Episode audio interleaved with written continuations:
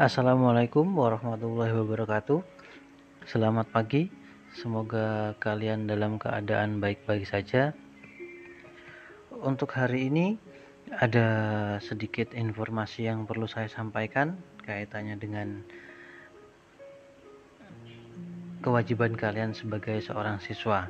Yang pertama, ada banyak anak yang tidak hadir mungkin karena sesuatu hal saya tidak tahu. Tapi ada banyak juga anak yang selalu konsisten dalam kehadiran dalam tugas dalam tanggung jawab ia sebagai seorang pelajar dan sebagai seorang anak. Saya ucapkan terima kasih kamu telah menjalankan aman kamu untuk diri kamu dan untuk masa depanmu sendiri dan untuk keluargamu yang telah menyekolahkanmu. Uh, tidak banyak hal yang perlu saya sampaikan pada pagi hari ini. Cukup di situ saja infonya. Untuk hari ini kita akan melaksanakan kegiatan ulangan harian kedua yang ber apa yang yang ada dua bab, bab 2 dan bab 3. Nanti akan saya ambil dari kedua bab itu. Untuk soal itu akan saya bacakan langsung di podcast ini.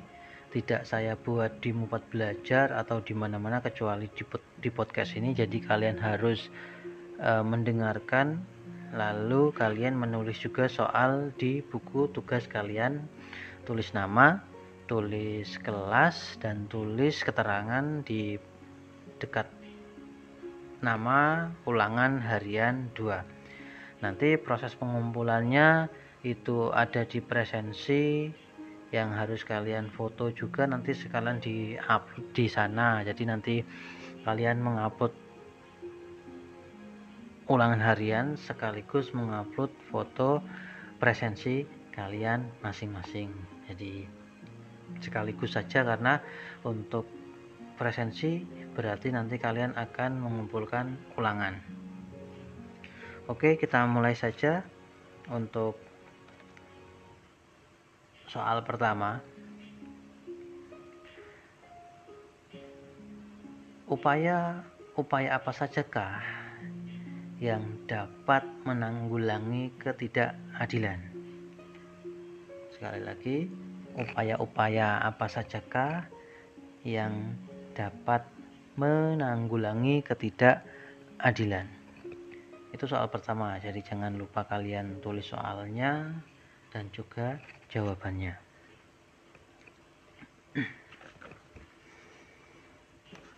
Untuk soal kedua coba jelaskan bagaimana dasar seseorang untuk dapat mencapai lapisan sosial paling atas ataupun lapisan sosial paling bawah. Saya ulangi, coba jelaskan bagaimana dasar seseorang untuk dapat mencapai lapisan sosial paling atas dan paling bawah. Untuk yang ketiga, dalam realitas sosial terdapat sebuah faktor yang mempengaruhi mobilitas sosial. Jelaskan apa-apa saja realitas sosial tersebut atau faktor-faktor yang mempengaruhi mobilitas tersebut. Saya ulangi, dalam realitas sosial terdapat sebuah faktor yang mempengaruhi mobilitas sosial. Yang keempat, jelaskan kriteria kemiskinan berdasarkan dimensi dan berdasarkan penyebabnya. Jadi ada dua. Yang pertama itu kriteria kemiskinan berdasarkan dimensinya dan kemiskinan berdasarkan penyebabnya.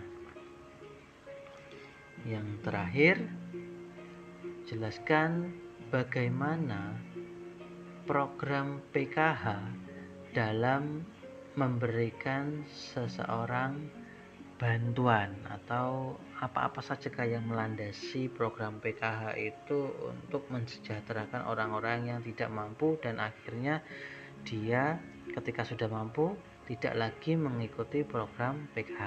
Jadi jelaskan bagaimana program PKH dalam memberikan seseorang bantuan.